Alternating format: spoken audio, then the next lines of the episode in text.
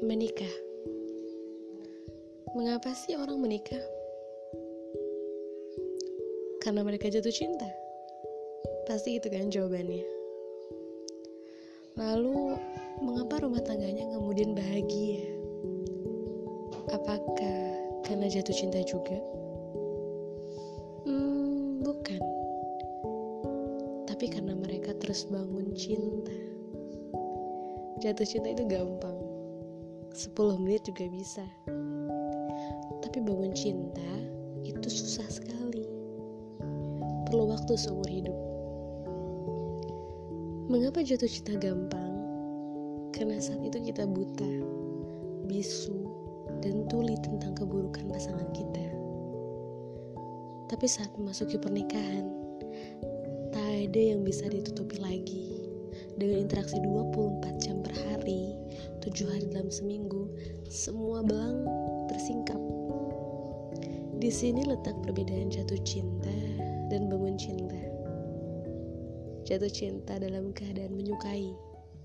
Namun, bangun cinta diperlukan keadaan jengkel. dalam keadaan jengkel, cinta bukan lagi berwujud pelukan, melainkan berbentuk itikat baik, memahami konflik, dan bersama-sama mencari solusi yang dapat diterima semua pihak. Cinta yang dewasa tak menyimpan unek-unek. Walau ada beberapa hal peka untuk bisa diungkapkan seperti masalah keuangan, orang tua, dan keluarga, ataupun masalah seks. Namun sebekah apa pun masalah itu perlu dibicarakan agar kejengkelan tak berlarut. Syarat untuk keberhasilan pembicaraan adalah kita bisa saling memperhitungkan perasaan kita.